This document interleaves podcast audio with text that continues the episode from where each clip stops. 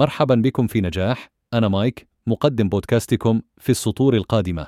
سنتطرق لموضوع يتعلق بالألم وكيف يمكننا أن نحوله إلى حكمة ونمو؟ كم من الأوقات تواجهنا تحديات وصعوبات في حياتنا تجعلنا نعيش في ألم شديد؟ مررنا جميعا بتلك اللحظات وربما بعضكم يمر بمثل هذه التجربة الآن. ولكن دعونا ننظر للأمور من زاوية مختلفة ونتساءل كيف يمكننا أن نحول هذا الألم إلى حكمة؟